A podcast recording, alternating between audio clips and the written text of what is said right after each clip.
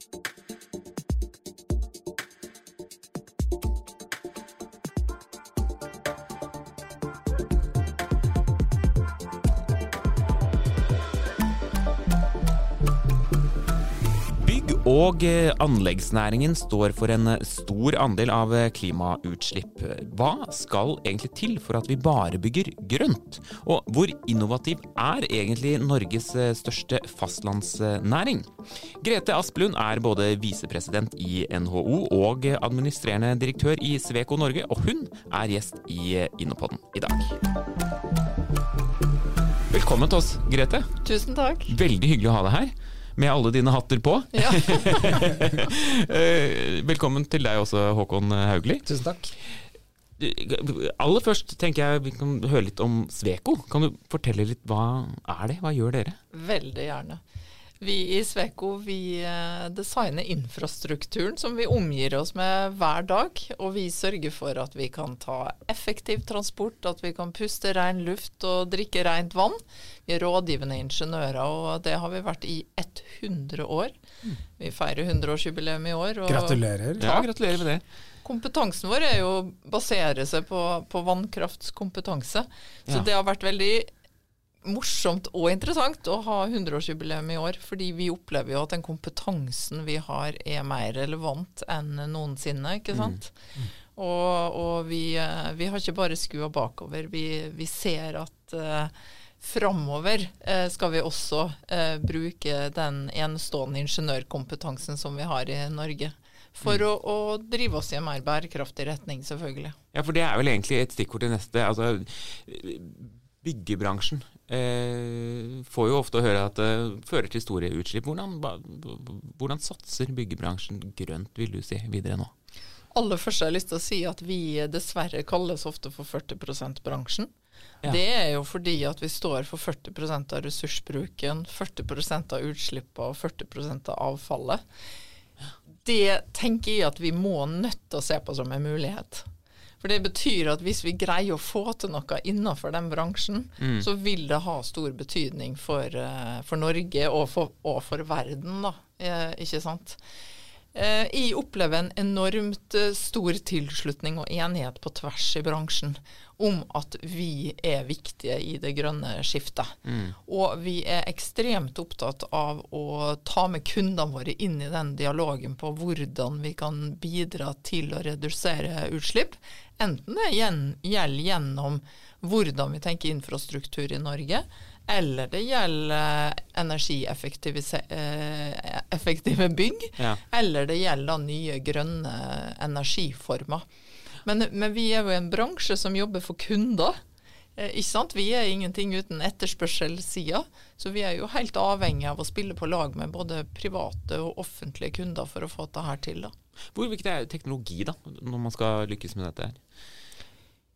Veldig viktig kanskje ikke på et sånn dingsenivå, hvis dere forstår. For, okay. Fordi her er, det, her er det veldig mye snakk om standardisering, automatisering, ja. eh, smarte løsninger for overvannshåndtering f.eks., som, som er et kjempetema i dag. ikke sant? Vi har jo fått så mange mm. eksempler på det i sommer, hvor vi holder på å regne bort eller flomme bort. ikke sant? Mm. Så, så, det er mer en annen type teknologi, kanskje. Liksom hvordan vi tilrettelegger miljøet rundt oss da, mm. for å håndtere klimapåvirkningene. Men det er klart, eh, droner og briller og alt mulig sånn, det har vi nå brukt ganske lenge. Noen dingser er det også. I, absolutt. ja. Så dem som er dingsekåte, dem får lov å, å boltre seg litt i det. Mm. Men, men, det handler om veldig mye mer enn det, da. Mm. mm. Håkon, hvor viktig er satsingen på grønne initiativer i byggebransjen, sånn som du ser det? Enormt uh, viktig. Altså, um, og jeg syns faktisk utgangspunktet er ganske godt. jeg må si det. Ja, dette 40 %-næringen um, er, det er store utfordringer. Mm. Men utgangspunktet er, altså jeg opplever det sånn at viljen er der, og kunnskapen er der. Mm. Og da er det spørsmål om hvordan eh, kobler man de sammen og får det til. og Da blir jo et virksomhet som Sveko utrolig viktig, da, som den kunnskapsleverandøren inn til nettopp disse kundene, da, eller byggherrene eller tunnelbyggerne, eller mm. hva de er. Mm.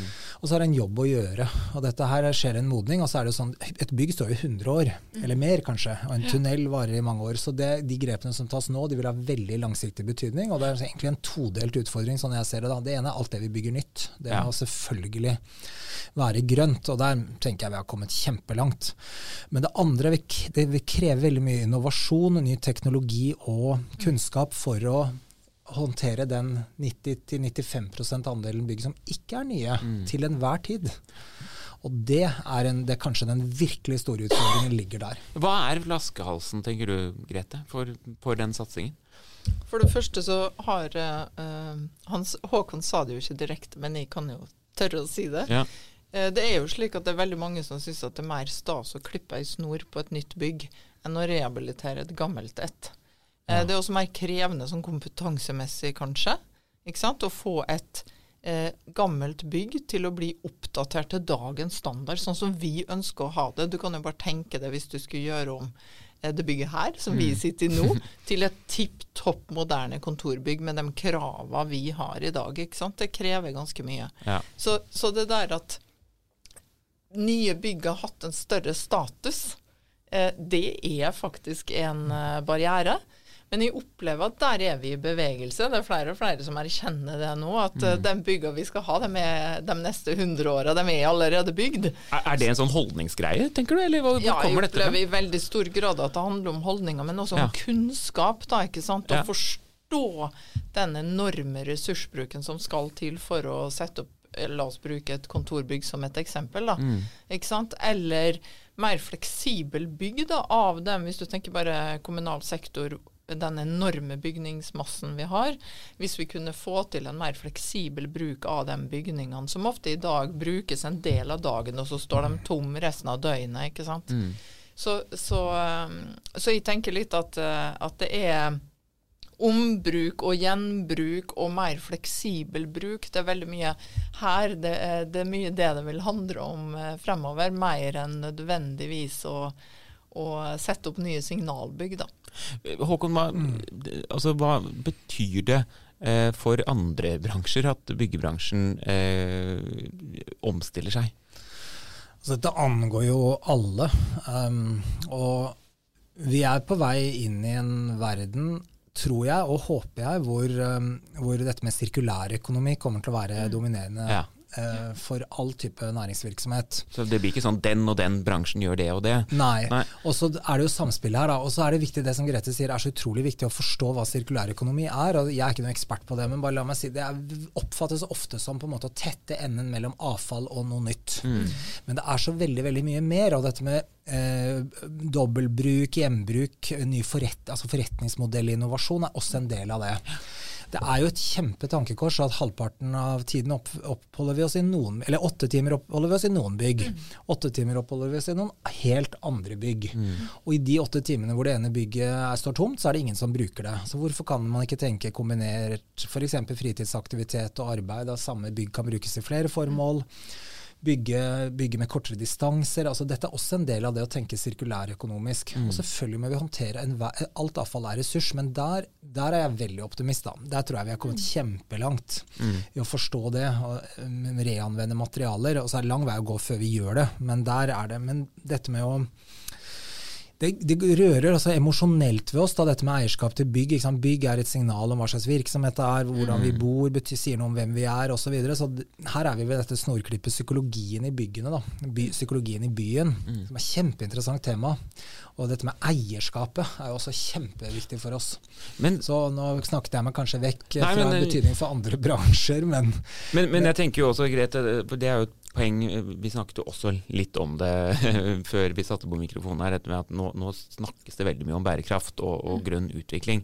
Er det ikke litt sånn at man ser en endring kanskje, og at folk vil gjerne klippe snorer til et bærekraftig bygg, eller hvordan opplever dere det? Um, er det en ønsketenkning. Litt, kanskje? både og. Altså, for der må vi litt sånn, gå inn på driverne litt. Ja. Altså, hvis du tar det private, altså de som går inn og investerer pengene sine, ikke sant? de er jo opptatt av at det her skal være lønnsomt i et bærekraftsperspektiv. Ja. Nei, i et livssyklusperspektiv. ikke sant? Mm. Det er en investering som skal gi gi profitt over lang tid, de vil være veldig opptatt av det. Mm. At, at, eh, det bygget vi setter opp, det skal være like relevant og bra om 10 og 20 og 25 år. Men så har du jo andre aktører, sånn som offentlige aktører, som, som, mer uh, agerer på basis av årlige budsjett, og ikke har på en måte det drivet da, til å sørge for at det bygget vi bor i, eller som vi bruker til våre brukere f.eks., eh, har de kvalitetene som skal til. Da. Så det er en del sånne drivere som eh, om de ikke bremser oss, så holder de oss kanskje litt tilbake da, i forhold til eh, eh, å få fart på, ordentlig fart på sakene. Da. Mm. Eh, det, vil jeg, det vil jeg absolutt si. Hvordan jobber vi med dette, Håkon? Eh, opp mot kanskje spesielt byggebransjen, siden uh, ja, nå er her. Vi, ja, vi må si, jeg tror vi gjør for lite, tror jeg det er utgangspunktet. Men samtidig så er det jo det skjer masse masse innovasjon i norsk byggebransje. Vi er med å finansiere noe av den, mm. altså gjennom lån og tilskudd. Um, særlig den enden som går på type nye forretningsmodeller, bruke nye materialer, mm. tette sirkulære økonomiske løsninger osv. Der skjer det utrolig mye bra. Men volumene her er også veldig store. Da. Ja. Og man trenger, jeg tror kanskje Hvis jeg skal liksom etterlyse noe, da, så er det disse som, de som virkelig bygger volum, kanskje særlig offentlig, at de kan gå ordentlig foran. At man er litt bold i å sette ambisjoner. og Der er jo innovasjonspolitikken også en veldig dreining vekk mm. fra dette med liksom, markedssvikt, men mer sånn systemisk innovasjon. Og Hva betyr det? Jo, det betyr liksom Missions er et ord som brukes da. Man setter seg et mål. men også, også bruker man hele verktøykassa, kunnskapsutvikling, forskning, den type virkemidler vi har i Innovasjon Norge for å oppnå det målet. Mm. Noen eksempler vi har i Norge er jo veldig gode. altså Utslippsfrie ferger er et eksempel mm. på det. Ja. Og tilsvarende kunne man tenkt seg i byggenæringen. Oslo kommune har sagt utslippsfrie byggeplasser. Det syns jeg er et veldig godt eksempel. Mm. Men mer av det. Altså, kommunene sier at ingen av våre bygg skal være noe annet enn nullutslippsbygg, mm. f.eks. Det gir den farten som er nødvendig. Ja, Det er jeg veldig enig med Håkon i. Mm. Og vi ser jo hvordan f.eks. da Nye Veier eller Statsbygg bestemte seg for at vi, vi vil ikke ha noen flere papirleveranser, alt skal være digitalt som leveres til oss, mm. så forandrer jo det en hel bransje. ikke sant? Sånn at det der, eh, når du har den markedsmakta som aktørene vi snakker om her, har, ja. når de går foran og bare eh, tørre, tørre da, og bare si at nå, nå blir det sånn, nå er det det vi skal ha så skjer det noe. Og det tror jeg nesten ikke vi kan si tydelig nok. da. Mm, Men jeg har også lyst til å dra frem et eksempel som jeg syns er veldig godt. da. Og det er jo Mjøstårnet som vi har fått uh, bygd i Brumunddal. Skulle til å spørre deg om det er det beste eksempelet ja, på innovasjon? Fordi at, uh, jeg var faktisk ikke klar over det, at Innovasjon Norge har vært med i finansieringa der for uh, for materialleverandørene. ikke sant? Mm. Og den innovative bruken av limtre som vi har på Mjøstårnet, som vi har designa i Sveko. Mm. Og det som jeg syns er litt ekstra morsomt, da, det er at uh, vi har jo verdensledende konstruktører på Lillehammer. Uh, men de konstruerte jo også den forrige verdens høyeste trehus, som, ja. som, ligger i Bergen. Og nå er jo dette kompetanse som vi kan eksportere. Yes. Mm. Så, så, sånn sett så er det et veldig godt eksempel på hvordan vi gjennom Innovasjon Norge og samspillet med bedriftene eh, kan få til eh, virkelig innovasjon og, og utvikling. Men, men eh, jeg tror Håkon er inne på noe viktig, at vi kan gjøre mer. Ja. Fordi jeg kjenner jo nesten et litt sånn ubehag når vi snakker om temaet. Mm. Fordi jeg tror ikke det finnes noe sånn særlig konsensus på hvor gode vi er i, no i norsk bygg- og anleggsbransje Nei. på det her med innovasjon. Mm. Um, jeg tror at, sånn som jeg oppfatter, vi er ganske enige om at det er en del um, bremseklosser. Sånn som f.eks. at hvert prosjekt er unikt. Ja. Det er også et kulturelt spørsmål. Vi angriper hvert prosjekt som om at det her har vi aldri gjort før, la oss finne på noe nytt. Og det i seg sjøl er jo en slags innovasjon. Men mm. samtidig så blir ikke den læringa sterk nok til at vi virkelig liksom får en hel bevegelse ut av det. da. Vi får se da om, eh, hvis vi sitter her om tre-fire år, om vi ser en eh, endring her. Det var uansett veldig spennende, Grete, å høre om både innovasjoner og utfordringer i byggebransjen. Tusen takk for at du kom til oss, og tusen takk til deg også, Håkon Hauglie.